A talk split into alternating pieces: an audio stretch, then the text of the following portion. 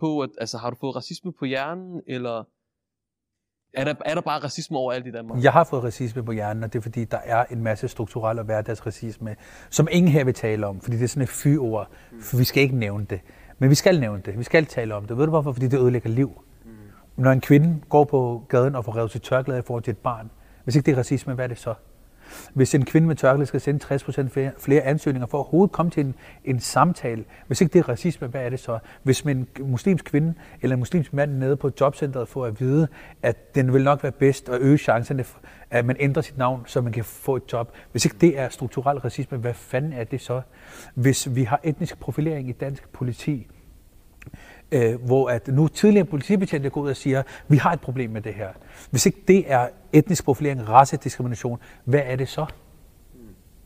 Hvis ikke, altså, der er rigtig meget øh, strukturel racisme i vores samfund, men vores ledere, øh, venstrefløjen, højrefløjen, vores statsminister, alt sammen lukker øjnene for det. Fordi man vil ikke tale om det. Fordi at vi er en minoritet.